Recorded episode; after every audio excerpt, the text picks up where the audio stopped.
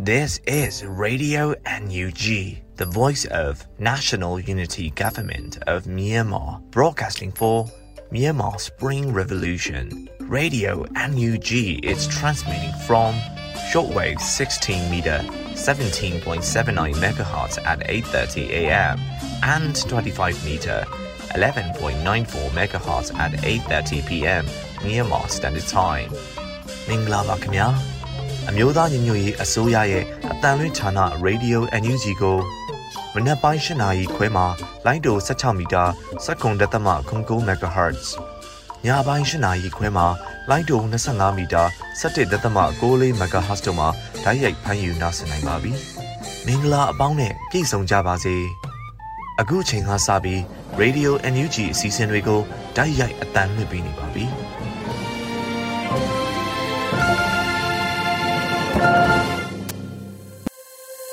မြန်မာနိုင်ငံသူနိုင်ငံသားအပေါင်းတဘာဝပြီးစစ်အာဏာရှင်ဘေးတို့ကနေကင်းဝေးပြီးကိုစိတ်နှဖျားစမ်းမလုံခြုံကြပါစေလို့ Radio NUG ဖွဲ့သားများက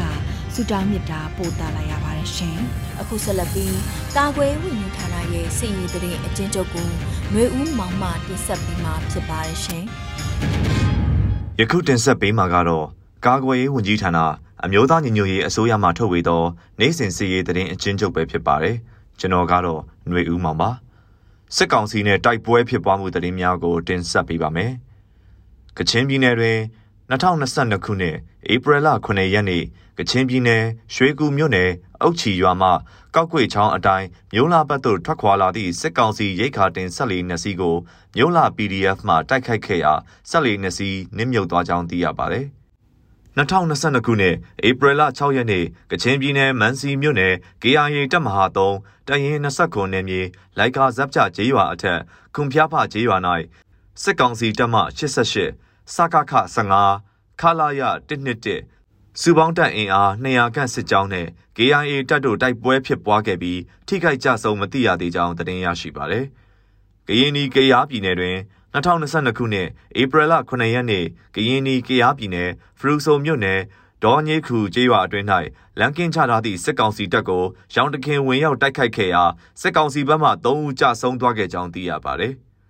2022ခုနှစ်ဧပြီလ4ရက်နေ့ကရင်နီကရားပြည်နယ်ဓမော့ဆိုမြို့နယ်ထူလီပီလာရွာနှင့် ဗဒုံငံရွာသို့ KNDF တပ်ရင်းနှင့်19နဲ့စစ်ကောင်စီတပ်များထိတွေ့တိုက်ပွဲဖြစ်ပွားခဲ့ပြီးစစ်ကောင်စီဘက်မှထိခိုက်မှုများခဲ့ပြီးပြည်သူ့ကာကွယ်ရေးတပ်ဖက်မှ3ဦးထိခိုက်ဒဏ်ရာရရှိခဲ့ကြောင်းသိရပါတယ်။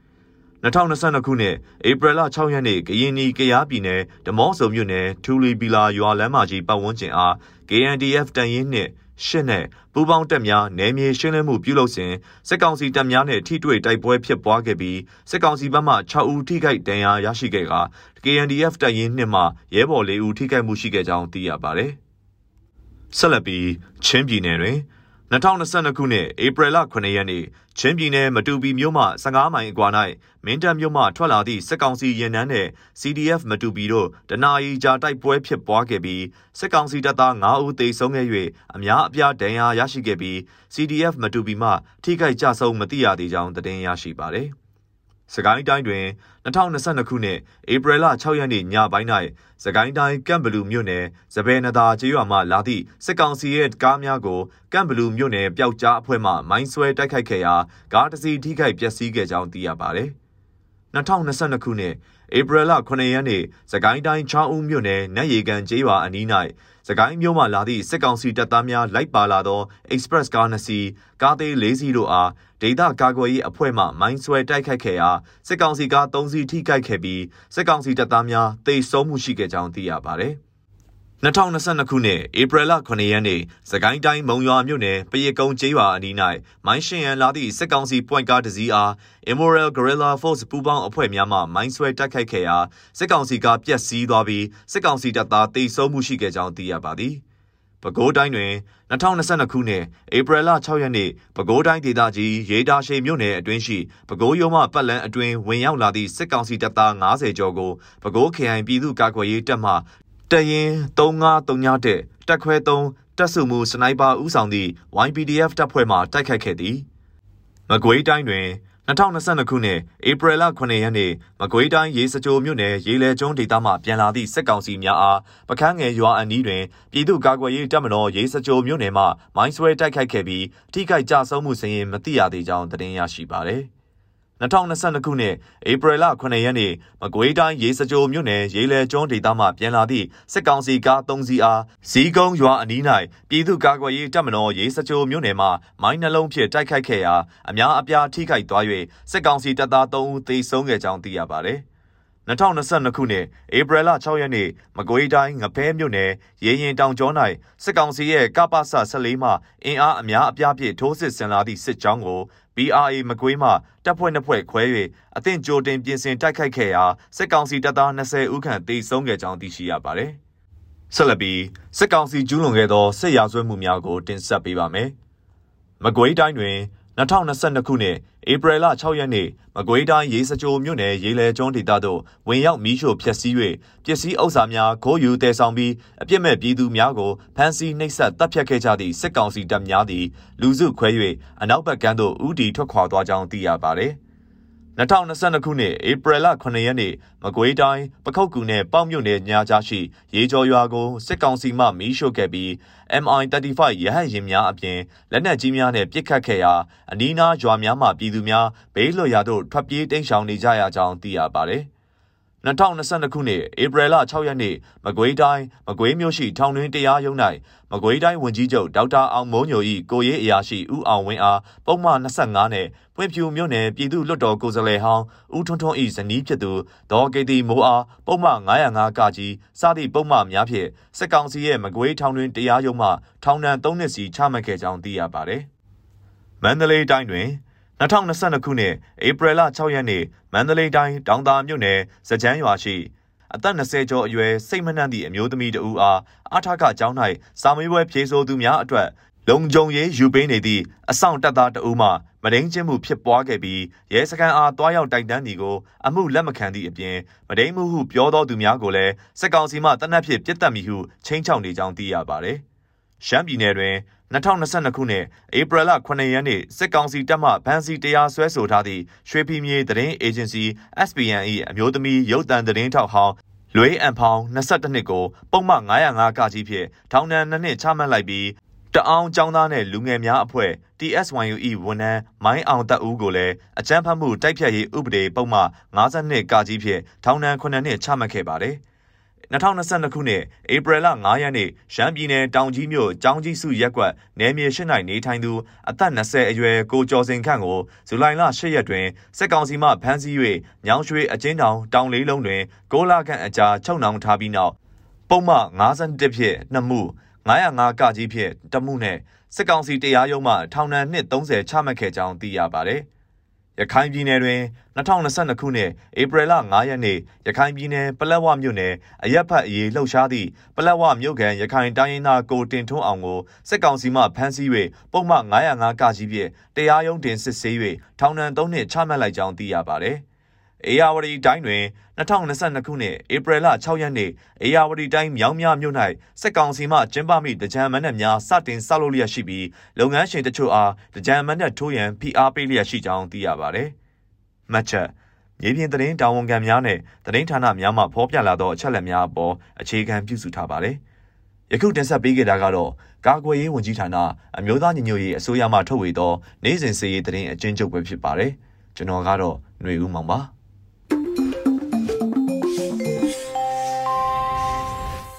Radio NUG မှာဆက်လက်အသံလွှင့်နေပါတယ်။အခုဆက်လက်ပြီးအမျိုးသားညီညွတ်ရေးအစိုးရပြည်ထောင်စုသမ္မတမြန်မာနိုင်ငံတော်ယာယီသမ္မတဒူဝါလက်ရှိလာရဲ့ထုတ်ပြန်ကြေညာချက်အမှတ်6မြင်းဆောင်2022ကိုရန်နိုင်မှတင်ဆက်ပေးမှာဖြစ်ပါတယ်ရှင်။ပြည်ထောင်စုသမ္မတမြန်မာနိုင်ငံတော်အမျိုးသားညီညွတ်ရေးအစိုးရနိုင်ငံတော်သမ္မတရုံးမှထုတ်ပြန်ကြေညာချက်အမှတ်6မြင်းဆောင်2022ကို2022ခုနှစ် ဧပြီလ9ရက်နေ့ရက်စွဲဖြင့်ထုတ်ပြန်ကြေညာပါတယ်။အဲ့ဒီထုတ်ပြန်ကြေညာချက်အပြည့်စုံပါအကြမ်းဖက်စစ်တပ်အုံပြုလျက်ရှိသော လေးရင်ရေရင်ရဟတ်ရင်ဆက်ရင်ရန်ရတို့နှင့်ဆက်လင်း၍စုငွေချီးမြှင့်ခြင်းဆိုင်ရာ ထုတ်ပြန်ကြေညာချက်အပိုက်1အကြမ်းဖက်စစ်အာဏာရှင်စနစ်အမြင့်ပြတ်ချေမှုန်းနိုင်ရေးအတွက်နီလန်ပေါင်းစုံဖြင့်ခုခံတွန်းလှန်လျက်ရှိသည့်ပြည်သူလူထုအပေါ်အဆုံးစွန်ရက်ဆက်သောနီလန်ဖြင့်အကြမ်းဖက်စစ်တပ်က လေကြောင်းတိုက်ခိုက်မှုများမြေပြင်ထိုးစစ်ရေကြောင်းတိုက်ခိုက်မှုများနေ့စဉ်ပြုလုပ်လျက်ရှိပါသည်အပိုက်နှင့်အပြစ်မဲ့ပြည်သူလူထုအားဝေးဟင်ရေပြင်မြေပြင်မှတိုက်ခိုက်ရာတွင်အကြမ်းဖက်စစ်တပ်အုံပြုလျက်ရှိသည့်တိုက်လေရင်ရဟတ်ရင်ထောက်ဖို့လေရင်တိုက်ရည်ရင်တန်ကားတန်ကြက်ကာရင်စသည့်စက်ရင်ရန်ရများသည်ပြည်သူလူထု၏အသက်အိုးအိမ်စည်းစိမ်အားကာကွယ်မှုပေးနိုင်ရန် ပြည်သူအခွန်ဗန္နာငွေဖြင့်ဝယ်ယူထားသောပြည်သူပိုင်ပစ္စည်းများသာဖြစ်ပါသည်အပိုက်၃ယခုခါပြည်သူလူထု၏အသက်အိုးအိမ်စည်းစိမ်ကို ကာကွယ်မှုမပေးသည့်အပြင်အဆိုပါဆက်ရင်ရန်ရာများအသုံးပြု၍အပြစ်မဲ့ပြည်သူလူထု၏အသက်အိုးအိမ်စည်းစိမ်များအားရရဆက်ဆက်တိုက်ခိုက်ဖျက်ဆီးလျက်ရှိသည်မှာလုံးဝခွင့်လွတ်နိုင်ပွဲမရှိသောလုပ်ရက်ဖြစ်သည် အပိုက်လေးသို့ပါ၍ ပြည်သူလူထု၏အသက်အိုးအိမ်စည်းစိမ်ကိုအကြမ်းဖက်လေကြောင်းတိုက်ခိုက်မှုများရေကြောင်းတိုက်ခိုက်မှုများမြေပြင်ထိုးစစ်များမှကာကွယ်နိုင်ရန်အလို့ငါအောက်ပါစွန့်ငွေချင်းမြင့်ခြင်းဆိုင်ရာအမိန့်အားထုတ်ပြန်ကြေညာလိုက်သည်မြည်သူမဆိုအပိုက်ခွဲကကြီးပြည်သူလူထုအားပြစ်ခတ်တိုက်ခိုက်မှုအလင်းမပြုလုပ်ပဲလေရင်ရဟတ်ရင်တိုက်ရည်ရည်နှင့်တကွပြည်သူရင်ဝင်သို့ခိုလုံလာလျင် စုငွေအမေရိကန်ဒေါ်လာ9သိန်းသို့မဟုတ်မြန်မာကျပ်ငွေသိန်း1000အပိုက်ခွဲခါဝေတိုက်လေရင်ရဟတ်ရင်ထောက်ပို့လေရင်တိုက်ရည်ရည်များအားအကြမ်းဖက်စစ်တပ်အခြေစိုက်စခန်းတွင်ရနာထားစဉ်အကြီးစားပျက်စီးမှုဖြစ်သည့်အထိဖျက်ဆီးနိုင်လျင်တစည်းလျင်စုငွေအမေရိကန်ဒေါ်လာ3သိန်းသို့မဟုတ်မြန်မာကျပ်ငွေ36000အပိုက်ခွဲကငယ် အကြမ်းဖက်တိုက်ခိုက်ရန်ပြန်သန်းထွက်ခွာလာစဉ်လန်ခုလက်၌တနည်းနည်းဖြင့်ပျက်စီးစေရန်စွမ်းဆောင်နိုင်လျင်တစည်းလျင်စုငွေအမေရိကန်ဒေါ်လာ3သိန်းသို့မဟုတ်မြန်မာကျပ်ငွေ36000အပိုက်ခွဲကာကြီးပြစ်မှတ်သို့ရောက်ရှိအောင်ပြန်တန်းလာပြီးပြည်သူလူထုအားဘုံကျဲတိုက်ခတ်မှုမပြုလုပ်ဘဲရည်ရွယ်ချက်ရှိရှိထိုးဆိုင်ပြက်ကြအောင်စွမ်းဆောင်နိုင်လျင်စုငွေအမေရိကန်ဒေါ်လာ3သိန်းသို့မဟုတ်မြန်မာကျပ်ငွေ36000 အပိုက်ခွဲငါလေးရင်ရဟတ်ရင်ထောက်ဖို့လေးရင်တိုက်ရည်ရင်များအားအကြီးစားပျက်စီးသည့်အထိပြစ်ခတ်ချေမှုန်းနိုင်လျင်တစည်းလျင်စုငွေအမေရိကန်ဒေါ်လာ3သိန်းသို့မဟုတ်မြန်မာကျပ်ငွေ36000အပိုက်ခွဲစာလုံးတိုက်လေရင်စီတိုလောင်ကံများအားထိရောက်စွာ ဖောက်ထုတ်ဖျက်ဆီးနိုင်လျင်တကံလျင်စုငွေအမေရိကန်ဒေါ်လာ3သိန်းသို့မဟုတ်မြန်မာကျပ်ငွေ3200အပိုက်ခွဲစာလိန် အကြမ်းဖက်စစ်တပ်၏လက်နက်တိုက်လက်နက်ဆက်ယုံများအားဖောက်ခွဲဖျက်ဆီးနိုင်လျင်စုငွေအမေရိကန်ဒေါ်လာ3သိန်းသို့မဟုတ်မြန်မာကျပ်ငွေ3200အပိုက်ခွဲစာခွဲမြေပြင်ထိုးစစ်တွင်အသုံးပြုသောတန်ကားတန်ကြက်ကာရင်များနှင့်အတူပြည်သူရင်ခွင်သို့ခိုးလုံလာလျင်တစည်းလျင်စုငွေအမေရိကန်ဒေါ်လာ3သိန်းသို့မဟုတ်မြန်မာကျပ်ငွေ3200အပိုက်ခွဲစမြင်ဆွဲတန်ကားတန်ကြက်ကာရင်များအား လုံးဝပြန်လည်အသုံးပြု၍မရသည့်အထိပြစ်ခတ်ခြင်းမုံနိုင်လျင်တစည်းလျင်စုငွေအမေရိကန်ဒေါ်လာ3သိန်းသို့မဟုတ်မြန်မာကျပ်ငွေ3200အပိုင်ငါစုချင်းမြင့်ငွေများအားအချက်လက်ခိုင်လုံစွာတင်ပြနိုင်သည့်အစုဖွဲ့လိုက်ဖြစ်စေတူးချင်းဖြစ်စေခံစား권ရှိသည်အပိုက်6ဤအမိန့်အရချီးမြှင့်သည့်စုငွေများလက်ခံရယူခြင်းနှင့်ဆောင်ရွက်ချက်များအား The Public Property Protection Act 1947အရာ တရားစွဲဆိုအရေးယူအပြစ်ပေးခံရခြင်းမရှိစေရအပိုက်9ဤအမိန့်အား The Public Property Protection Act 1947 Section 3B ပါပြဋ္ဌာန်းချက်နှင့်အညီထုတ်ပြန်လိုက်သည်ဒူဝါလာရှိလာယာယီသမရအမျိုးသားညီညွတ်ရေးဆိုရပြည်တော်စုသမရမြန်မာနိုင်ငံတော်ဟုဖော်ပြပါရှိပါရခင်ဗျာ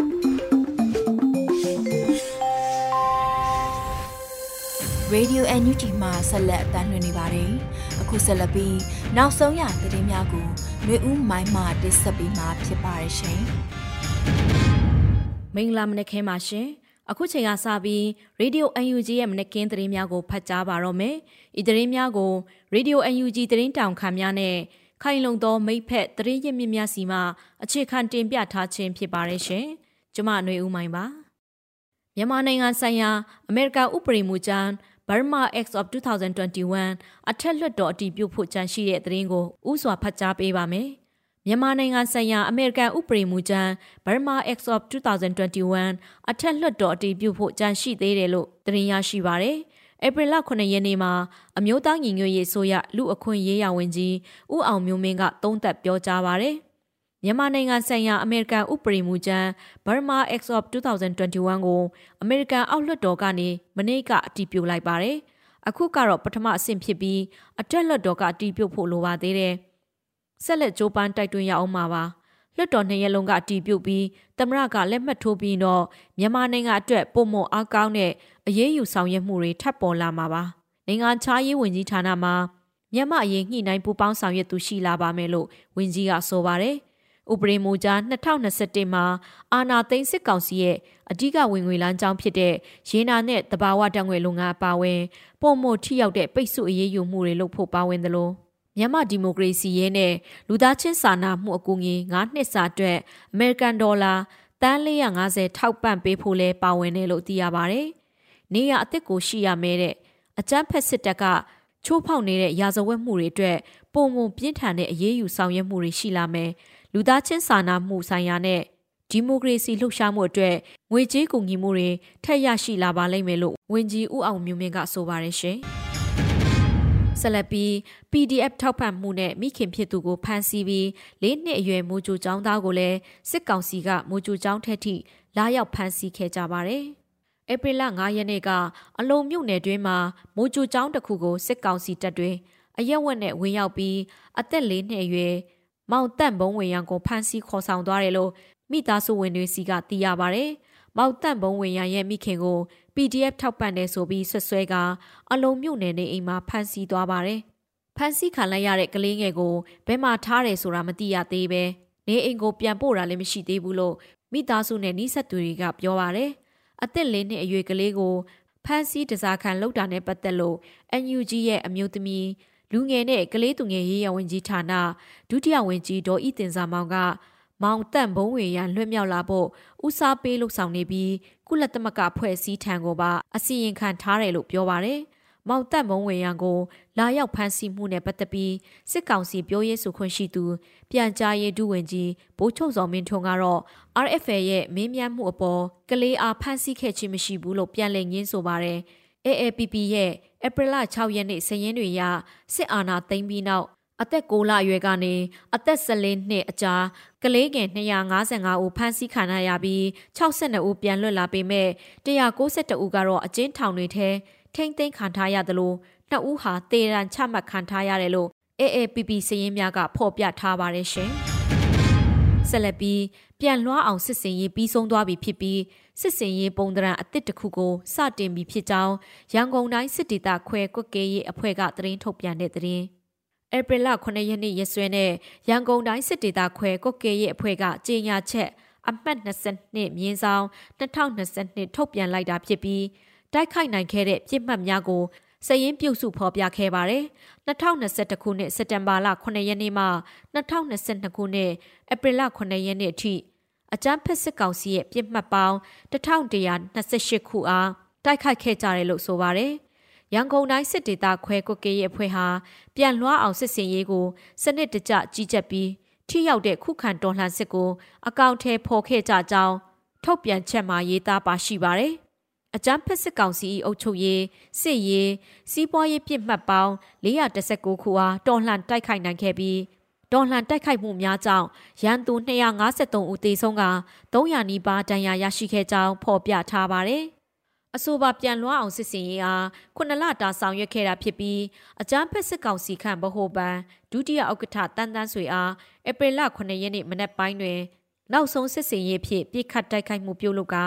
ပြန်လွှားအောင်စစ်စင်ရေးအားအောင်မြင်စွာအဆုံးသတ်ခဲ့ပြီးဖြစ်တယ်လို့ရန်ကုန်တိုင်းစစ်ဒေသခွဲကွက်ကေရဲ့အဖွဲ့ကသတင်းထုတ်ပြန်ပါတယ်။ပြန်လွှားအောင်စစ်စင်ရေးပြီးဆုံးသွားပေမဲ့မပြီးဆုံးသေးတဲ့စစ်အာဏာရှင်တော်လှန်ရေးကိုအမြင့်ပြတ်တော်လှန်နေရန်ရန်ကုန်တိုင်းစစ်ဒေသခွဲကွက်ကေရဲ့အဖွဲ့အနေနဲ့စစ်စင်ရေးပုံသဏ္ဍာန်အသစ်တစ်ခုကိုထပ်မံစတင်ပြီးဖြစ်ကြောင်းအသိပေးကြေညာခဲ့ပါတယ်ရှင်။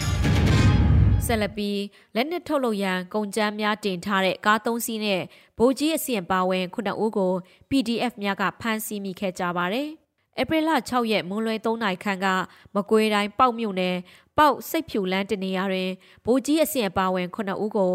လက်နက်ခဲယမ်းတင်တွဲကားရင်3စီးနဲ့တူပြည်သူ့ကာကွယ်တပ်ဖွဲ့ PDF ကဖမ်းဆီးရမိခဲ့ကြောင်းတပ်ဖွဲ့ဝင်တို့ကပြောပါရယ်။ပေါက်မြို့နယ်ကပ္ပစ24တက်ကိုလာတဲ့လမ်းမှာဖြစ်တာ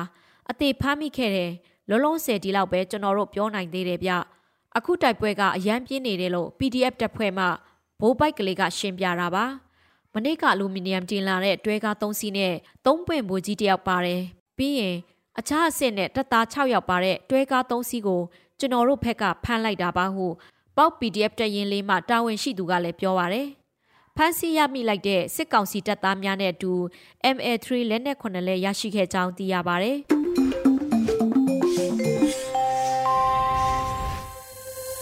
Radio NUG မှာဆက်လက်အသံလွှင့်နေပါတယ်။အခုဆက်လက်ပြီးနိုင်စဉ်သတင်းများကိုမတ်ထထအင်ဒရာအောင်မှတင်ဆက်ပေးမှာဖြစ်ပါတယ်ရှင်။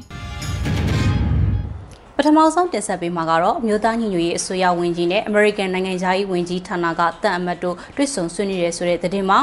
အမျိုးသားညီညွတ်ရေးအစိုးရလူ့အခွင့်အရေးဆိုင်ရာပြည်ထောင်စုဝန်ကြီးဦးအောင်မျိုးမင်းဦးဆောင်တဲ့ကိုယ်စားလှယ်အဖွဲ့နဲ့ American နိုင်ငံသားရေးဝန်ကြီးဌာနကမ္ဘာလုံးဆိုင်ရာရာဇဝဲမှုနဲ့တရားမျှတမှုဆိုင်ရာတန်အမတ်ကြီး Mr. Babban Scott တို့ဧပြီလ9ရက်နေ့ကတွေ့ဆုံဆွေးနွေးမှုတွေပြုလုပ်ခဲ့ကြပါတယ်။ တွဲဆောင်ဆွေးနွေးမှုအတွင်းတရားမဝင်အာဏာသိမ်းစစ်ကောင်စီအကြမ်းဖက်စစ်တပ်ကရိုဟင်ဂျာတွေပေါ်လူမျိုးတုံးတပ်ဖြတ်မှုကျူးလွန်ကြောင်းကိုအမေရိကန်အစိုးရကအဆုံးဖြတ်သတ်မှတ်ခဲ့မှုပေါ် NUG အစိုးရအနေနဲ့ကြိုးဆိုထောက်ခံပါကြောင်းဦးအောင်မျိုးမင်းကပြောကြားခဲ့ပါတယ်။ဒါ့အပြင်လူမျိုးတုံးတပ်ဖြတ်မှုပေါ်တရားမျှတမှုရရှိစေရေးဖော်ဆောင်ရမှာအမျိုးသားညီညွတ်ရေးအစိုးရအဖွဲ့အနေနဲ့ပူးပေါင်းဆောင်ရွက်မှုတွေပြုလုပ်သွားမှာဖြစ်တဲ့အကြောင်းလည်းဆွေးနွေးခဲ့ကြတယ်လို့သတင်းထုတ်ပြန်ချက်မှာဖော်ပြထားပါတယ်။ အခုတင်ဆက်ပေးမှာကတော့အချမ်းဘတ်စစ်တပ်ရဲ့လက်ချက်ကြောင့်မတ်လအတွင်းမှာခံကုန်းမြို့နယ်ကလူထုတွေရဲ့နေအိမ်350နီးပါးမိလောင်ခဲ့ပြီးတော့ပြည်သူတချို့အသက်ဆုံးရှုံးခဲ့ရတယ်ဆိုတဲ့သတင်းမှာမကွေးတိုင်းခံကုန်းမြို့နယ်အတွင်းမှာစစ်ကြောင်းတို့လှုပ်ရှားနေတဲ့အကြမ်းဖက်စစ်ကောင်စီတပ်တွေကမိရှို့ဖျက်ဆီးခဲ့လို့မတ်လအတွင်းမှာပြည်သူလူထုနေအိမ်346လုံးမိလောင်ပျက်စီးခဲ့ရကြောင်းခံကုန်းမြို့နယ်ပြည်သူ့အုပ်ချုပ်ရေးအဖွဲ့ကသတင်းထုတ်ပြန်လိုက်ပါတယ်။ ဒါ့အပြင်အကြမ်းဖက်စစ်ကောင်စီရဲ့တပ်ဖြတ်မှုကြောင့်အသက်14နှစ်အရွယ်မိန်းကလေးအပါအဝင်ပြည်သူတချို့အသက်ဆုံးရှုံးခဲ့ရတယ်လို့ဖော်ပြထားပါတယ်။စစ်ကောင်စီတပ်ဟာဂံကောမြို့နယ်ကိုမတ်လာတတိယဘက်ကလေးကစစ်ကြောင်း၃ကြောင်းနဲ့တွာလာလှုပ်ရှားကအကြမ်းဖက်မှုတွေကိုကျူးလွန်နေတာဖြစ်တယ်လို့ဆိုထားပါတယ်။သူတို့ဟာပြည်သူလူထုရဲ့နေအိမ်တွေကိုဘီရှုဖျက်ဆီးတာအပြင်ဧပြီလ၄ရက်နေ့ကဂံကောမြို့နယ်ထဲလော့ကြီးရွာနေအမျိုးသားတအုပ်နဲ့အသက်14နှစ်အရွယ်အမျိုးသမီးငယ်တအုပ်ကိုအကြမ်းဖက်တပ်ဖြတ်ခဲ့တယ်လို့ထုတ်ပြန်ထားပါတယ်။ စစ်ကောင်စီတပ်တွေကဂံကောမြို့နယ်အတွင်းပိုက်စိတ်တိုက်သွာလာနေတာနယ်မြေရှင်းလင်းရေးအကြောင်းပြပြီးတော့အကြမ်းဖက်မှုတွေကိုဇက်တိုက်ကျူးလွန်နေတာတို့ကြောင့်ပြည်သူတွေအနေနဲ့လုံခြုံရေးအရာစိတ်ချရမယ့်အရက်ဒေတာမှာသာနေထိုင်ကြဖို့မြို့နယ်ပြည်သူ့အုပ်ချုပ်ရေးအဖွဲ့ကအသိပေးထားပါတယ်။ ဒါအပြင်စားနပ်ရိက္ခာပြတ်တောက်မှုမရှိစေရေးကြိုတင်ပြင်ဆင်ထားကြဖို့နဲ့ပြည်သူအချင်းချင်းစာနာထောက်ထားကူညီပေးကြဖို့လည်းတိုက်တွန်းထားပါသေးတယ်။လက်ရှိနေမြေဒေသအခြေအနေကြောင့်ခံကောကလေးလမ်းပိုင်းနဲ့ခံကောထီလင်လမ်းပိုင်းတို့မှာအကြောင်းမဲ့သွာလာတာတွေမပြုကြဖို့လဲခံကောမြို့နယ်ပြည်သူ့အုပ်ချုပ်ရေးအဖွဲ့ကတတိပေးထားပါတယ်။အခုဆက်လက်ပြီး တိုင်းရင်းသားဘာသာစကားအစီအစဉ်အနေနဲ့ဂျိုးချင်းဘာသာစကားခွဲတစ်ခုဖြစ်တဲ့ကန်ဘာသာစကားဖြစ်ရင်တည်ထုတ်လွှင့်မှုကိုတင်ဆက်ပေးမှာဖြစ်ပါရဲ့ရှင်။ဒီအစီအစဉ်ကို Radio NUG နဲ့ဂျိုးချင်းဘာသာစကားထုတ်လွှင့်မှုအစီအစဉ်အဖွဲ့တို့မှပူးပေါင်းထုတ်လွှင့်တာဖြစ်ပါရဲ့ရှင်။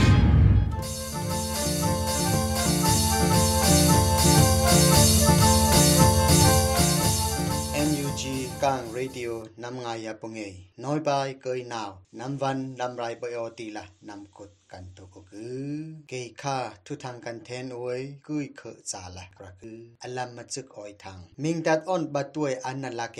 รำตืมรายกับเทตวนเมยอ่อนคุมอุกติยมองซอยครานิรุกเนือปะรำตืมคอยอิมตูรายกับเทตวนเมยอ่อนคุมอุกติละมาตุปี CTF อันตะคือกรอกทุเอกายนบัตุวางละรายเจมละโลปงเอมอตอกาตู anavut do lo openg batu มรายกับเทตวนนิงตัดออนบัดตวยอันนันลักเมืองเครดกีบออนเมืองเลียอมปุงเอรำเติมคอเมยออนคุมอุกตีลา